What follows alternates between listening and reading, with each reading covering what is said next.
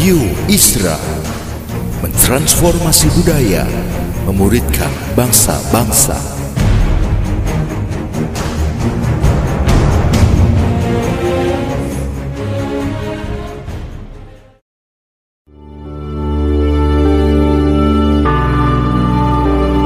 Apostolic Prophetic Messages mengungkapkan pesan dan arahan dari hati Tuhan bagi gerejanya demi menuntaskan mandat kerajaan Allah di Indonesia dan bangsa-bangsa. Selamat mendengarkan.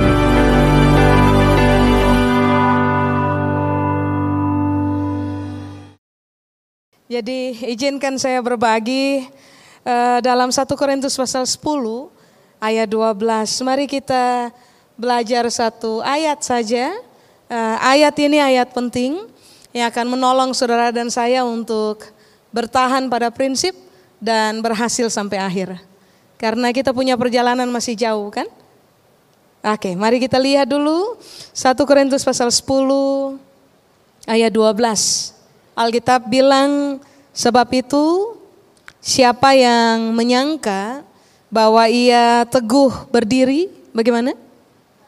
Hati-hatilah supaya ia jangan jatuh. Prasangka itu mencelakakan. Jadi hati-hati dengan prasangka, begitu. Sebab Alkitab bilang siapa saja yang menyangka bahwa ia berdiri teguh, nah langkah berikutnya adalah hati-hati. So kalau nggak hati-hati pasti akan jatuh. Nah mari kita lihat dulu pengertian yang Alkitab maksudkan dengan dua kata itu tuh, berdiri teguh. Dalam bahasa Yunani berdiri teguh itu sama dengan histemi. Histemi itu artinya adalah begini, uh, berdiri teguh itu sama dengan beberi, uh, sorry, berdiri sambil menunjuk. Kata histemi itu lebih lebih lekat dikaitkan kepada seorang pemimpin. Jadi sebenarnya itu Alkitab bilang, siapa yang menyangka bahwa ia adalah orang yang berdiri sambil menunjuk. Atau lebih tepatnya, siapa yang menyangka bahwa ia adalah seorang pemimpin. Alkitab bilang bagaimana? Hati-hati, jangan sampai jatuh. Pengertian yang lain dari uh, berdiri teguh, teguh berdiri atau histemi adalah begini. Siapa yang tahu betul bahwa dia itu sedang berdiri lalu terus naik ada kan orang-orang yang ngerintis dari awal, kemudian tiba tepat pada satu titik, lalu kemudian yang terjadi adalah mereka tambah lama tambah naik, tambah naik, tambah naik, tambah naik. Pernah alami kayak gitu tuh? Ah, pada posisi kayak gitu tuh. Lagi berdiri pada satu posisi, tapi tambah lama, tambah naik, tambah naik, tambah naik. Alkitab bilang, hati-hati, jangan sampai jatuh. Ulangnya, ulang, ulang. Siapa saja yang menyangka bahwa dirinya adalah pemimpin, siapa saja yang pada sebuah pijakan hari ini sedang mengalami realita tambah lama tambah naik, Alkitab bilang hati-hati jatuh. Nah histemi atau berdiri teguh, pengertian yang ketiga adalah ini, siapa saja yang sedang menetap pada sebuah tempat yang aman.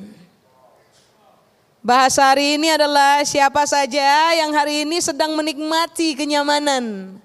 Hati-hati, salah satu langkah lagi kalau nggak hati-hati itu jatuh.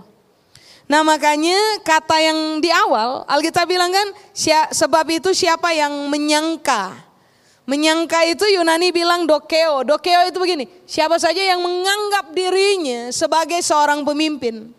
Siapa saja yang menganggap dirinya sebagai orang yang sedang beranjak naik itu, sedang mengalami keadaan naik satu langkah, naik dua langkah, naik terus. Siapa saja yang sedang menganggap bahwa dia sedang menetap pada sebuah area nyaman, Alkitab bilang hati-hati jangan jatuh. Nah, dokeo itu juga punya arti begini. Siapa saja yang memiliki reputasi sebagai seorang pemimpin. Ke mana pun saudara pergi, di mana saja saudara berada, orang mengenal saudara sebagai seorang pemimpin. Ke mana pun saudara pergi, di mana saja saudara berada, orang tahu betul bahwa saudara sedang mengalami keadaan begini, lagi naik daun banget. Ke mana pun saudara pergi, di mana pun saudara berada, orang tahu banget bahwa saudara sedang ada pada posisi yang sangat nyaman. Nah kalau itu reputasi yang berkaitan dengan dirinya kita, Alkitab bilang hati-hati jangan sampai jatuh. So ternyata begini, Tuhan kasih firman, Tuhan kasih arahan, Tuhan kasih tuntunan. Tetapi persoalan kehati-hatian itu sudah bukan lagi permainannya Tuhan. So, persoalan kehati-hatian itu mainannya kita. Kalau Tuhan mau kasih seluruh ayat dan seluruh kebenaran buat saudara dan saya, tapi kalau saudara dan saya nggak hati-hati dalam hidup, begini, maafkan saya kalau saya harus pakai kalimat ini. Bahkan Tuhan pun can help it. Ngerti maksudnya enggak? Sebab buat Tuhan sudah cukup arahan. Tuhan tidak cipta saudara dan saya seperti robot, bukan? Yang nanti tinggal dia tekan satu tombol saja, lalu tiba-tiba saudara dan saya menjadi seperti yang dia mau. Apa pun yang di dalam kekristenan ini tidak pernah terjadi tiba-tiba. Selalu ber, berkaitan dengan proses, proses belajar, proses pemahaman, proses pendewasaan, harus melampaui realita dari salah langkah, salah pilih, salah memutuskan. Tapi pada akhirnya kita tiba itu pada titik harusnya kita memahami betul bahwa ketika saudara dan saya sedang menjadi pemimpin, sedang naik daun, sedang menetap pada sebuah tempat yang aman dan nyaman, harusnya Anda dan saya punya alert itu menjadi sangat kuat berbicara kepada kita bahwa pada titik-titik berbahaya ini, saudara dan saya harus berhati-hati. Amin. Supaya pada akhirnya ini yang terjadi Alkitab bilang, kamu jangan jatuh. Kenapa ayat ini penting? Sebab percayalah, percayalah. Banyak orang merangkak dari awal, tiba pada sebuah titik kepemimpinan, mereka tidak lagi aware. Mereka enggak lagi membiarkan alarm itu berbunyi terus-menerus untuk memberikan peringatan kepada mereka tentang apakah mereka masih bertahan dan berjalan dan mengakar kuat dalam kebenaran atau sebenarnya mereka telah mengalami penyimpangan kira-kira 0,001 derajat. Kan enggak ada yang pernah tahu. Makanya kenapa ayat ini sangat penting untuk kita renungkan dalam dalam kesehariannya kita. Justru pada waktu kita ada pada posisi sebagai seorang pemimpin. Berikutnya, kalau saudara sadar saudara naik daun, ingat jangan keblinger. Jangan mabuk dengan pujian.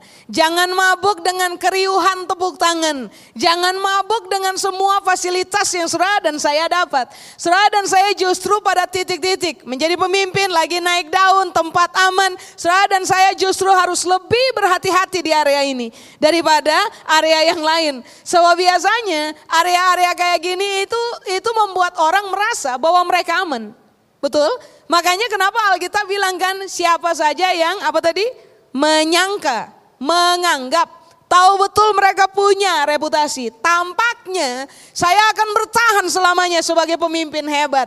Tampaknya saya akan naik daun terus dan gak mungkin turun. Tampaknya saya akan tetap berada pada posisi aman dan gak mungkin celaka. Nah kalau itu lagi bermain dalam surah dan saya punya cara berpikir sebentar. Berhenti dulu, kembangkan alert. Kembangkan kehati-hatian dalam pertimbangan supaya jangan jatuh. Saya ulang, semua pemimpin rawan rawan jatuh seribu persen.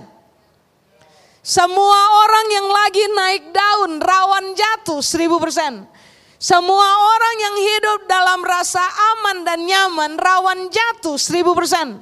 Makanya kenapa Alkitab bilang hati-hati dalam hidup. Saya ulang, kehati-hatian bukan Tuhan punya keputusan. Kehati-hatian kita punya keputusan. Jelas ini? Nah mari kita lihat dulu Alkitab bilang hati-hati jangan jatuh. Kata jatuh dalam bahasa Yunani disebut dengan istilah pipto.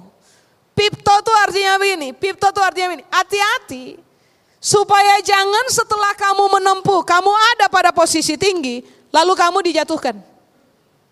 Kamu ada di posisi rendah. Saya ulang ya, Alkitab bilang, kamu harus hati-hati, justru kalau kamu pemimpin, mari saya tanya, semua pemimpin biasanya posisi ada di atas, right? Dan posisi ada di depan.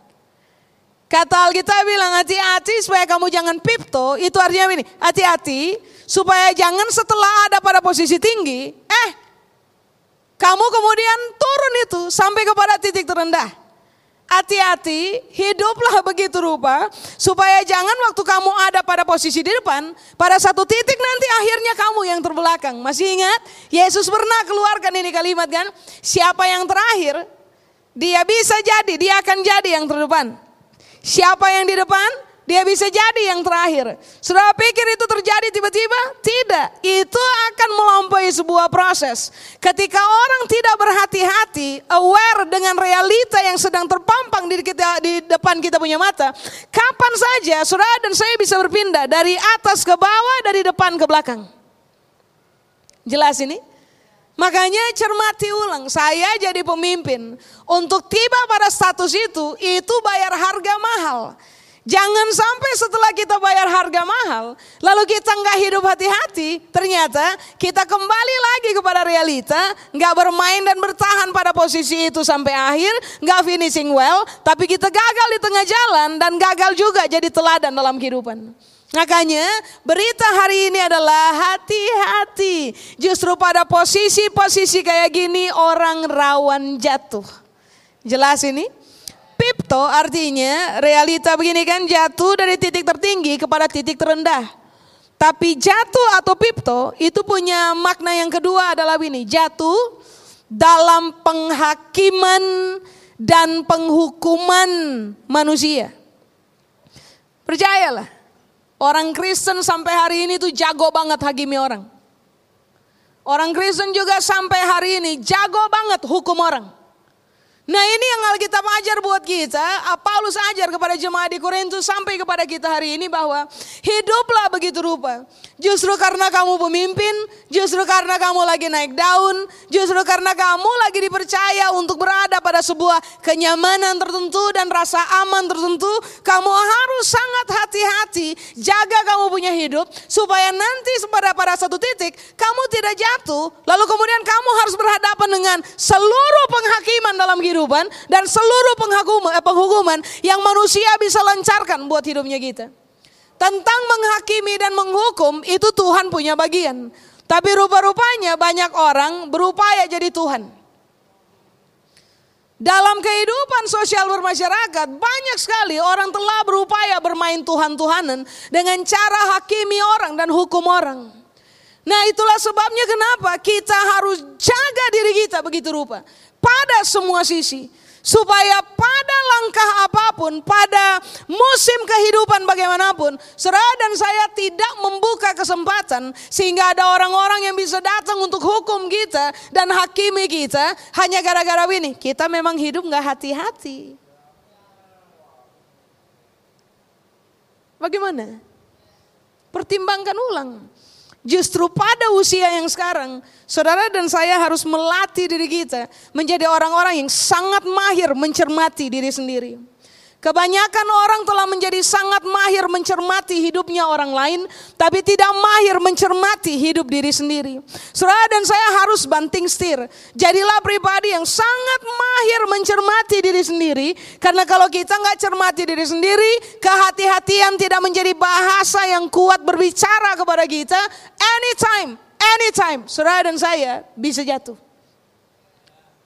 Nah yang ketiga, pipto atau jatuh, itu artinya adalah begini, jatuh lalu takluk kepada tipu daya dan kepada roh jahat.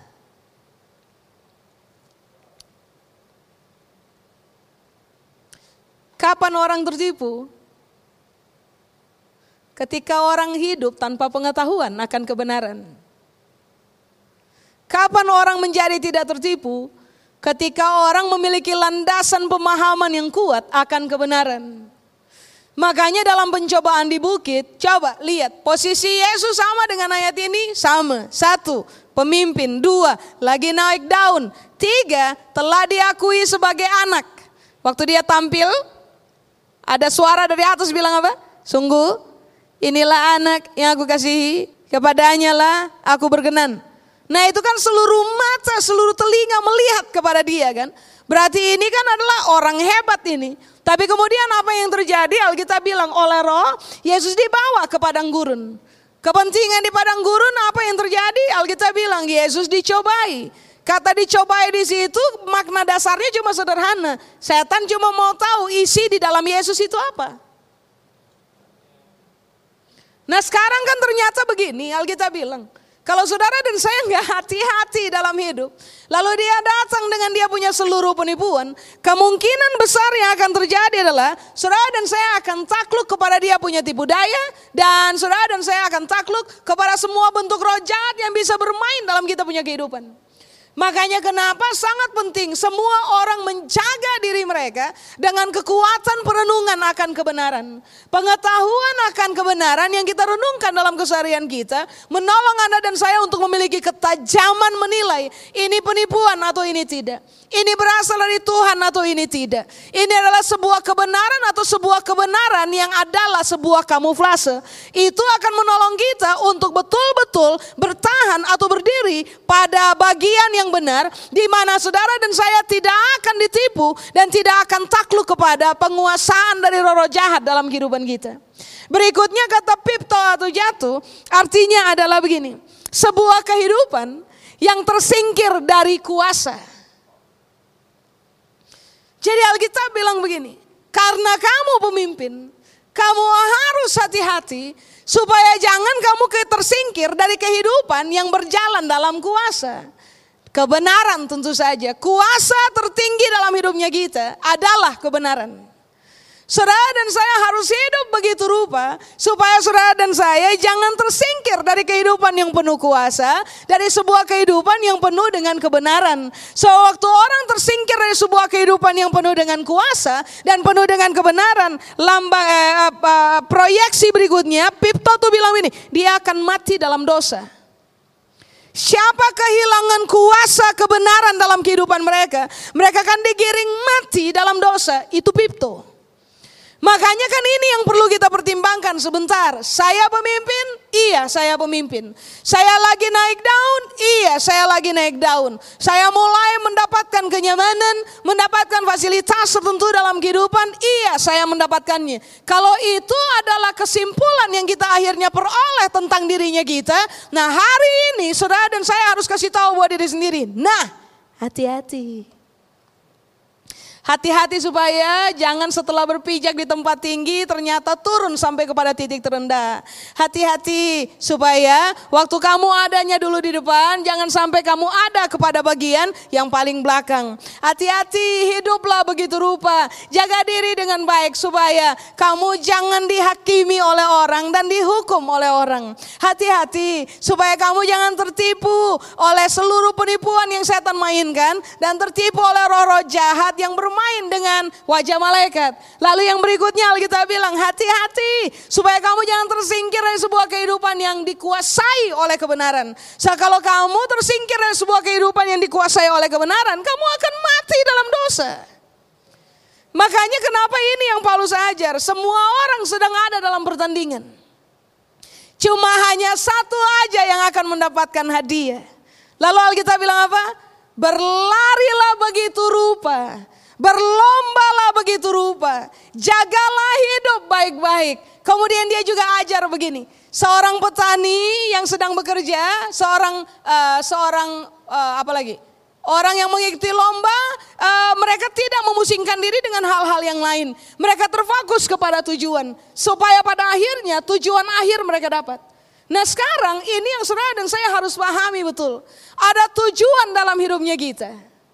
Berlombalah begitu rupa. Hiduplah begitu rupa. Supaya pada akhirnya Anda dan saya dikenal sebagai orang-orang yang finishing well. Mencapai tujuan seperti yang Tuhan telah tetapkan buat hidupnya kita. Jangan mundur, jangan gagal, jangan berhenti di tengah jalan. Makanya ayat ini ayat penting. Yang memberitahukan kepada saudara dan saya. Jangan gampang tertipu sebagai uh, waktu saudara dan saya ada pada posisi itu tuh. Posisi pemimpin, posisi naik daun, posisi aman. Jangan gampang tertipu. Justru pada titik ini, be wise. Hati-hati. Amin. Satu ayat lagi untuk saudara. Ayat terakhir, harusnya cuma satu ayat. Cuma masih ada waktu 11 menit. Jadi mari buka ini ayat. 2 Timotius pasal 3 ayat 16. Segala tulisan yang dilhamkan Allah memang bermanfaat untuk mengajar, untuk menyatakan kesalahan, untuk memperbaiki kelakuan, untuk mendidik orang dalam kebenaran. Nah, begini, belajarlah firman Tuhan. Sampai kebenaran itu terwahyukan oleh Tuhan buat kita. Roh Kudus menolong kita untuk memahami makna kebenaran satu berpindah kepada makna kebenaran berikutnya. So ternyata pemahaman akan makna kebenaran dalam tulisan-tulisan firman yang Tuhan ilhamkan kepada kita akan menolong saudara dan saya untuk satu menjadi orang yang terpelajar dalam hidup. Dua, menjadi orang yang tahu banget salahnya kita masih di mana. Tiga, menjadi orang yang mampu untuk terfokus kepada upaya memperbaiki kelakuan. Baru yang keempat, Saudara dan saya akan bukan sekedar menjadi orang terpelajar. Saudara dan saya menjadi orang yang sangat terdidik di dalam kebenaran. Kebiasaan kita akan menjadi kebiasaan yang bermain di dalam kebenaran. Bernapas di dalam kebenaran. Bergerak di dalam kebenaran. Hal inilah yang akan membuat saudara dan saya terjaga sampai akhir. Jadi dengarkan ini baik. Beriman kepada Tuhan. Bukan berarti bisa berkata, enggak apa-apa sudah Tahu nanti Tuhan jaga saya supaya jangan saya jatuh. Beriman kepada Tuhan seharusnya membuat saudara dan saya bermain uh, seperti yang ayat-ayat ini ajarkan. Karena saya beriman kepada Tuhan, saya hati-hati jaga hidup. Karena saya beriman kepada Tuhan, saya mengejar kebenaran firman Allah yang dia wahyukan kepada saya dalam sebuah pemahaman. Itu yang harusnya kita bermain supaya pada akhirnya imannya kita terjaga sampai akhir. Saudara, sejarah membuktikan ketika orang tidak mengakar pada firman, setinggi-tingginya mereka berdiri, pada satu titik mereka akan jatuh. Sehebat-hebatnya mereka climbing, mereka naik, mereka mendaki. Pada satu titik nanti mereka akan jatuh. Sehebat-hebatnya rasa aman dalam kehidupannya kita, rasa nyaman, seluruh fasilitas hebat tersedia buat kita. Tapi kalau saudara dan saya nggak hati-hati, pada satu titik nanti kita bisa jatuh. Apa yang bisa mempertahankan saudara dan saya untuk bertahan sampai akhir? Sederhana saja. Firman Allah yang kita terima, kita pelajari, kita pahami, kita kerjakan. Main saja dalam gaya hidup benar, berhati-hati dalam kehidupan, sesuaikan diri seperti yang firman Tuhan ajar. Supaya pada akhirnya apa pun terjadi dalam kehidupan saudara dan saya, harga mati, kita tidak mungkin akan jatuh. Amin.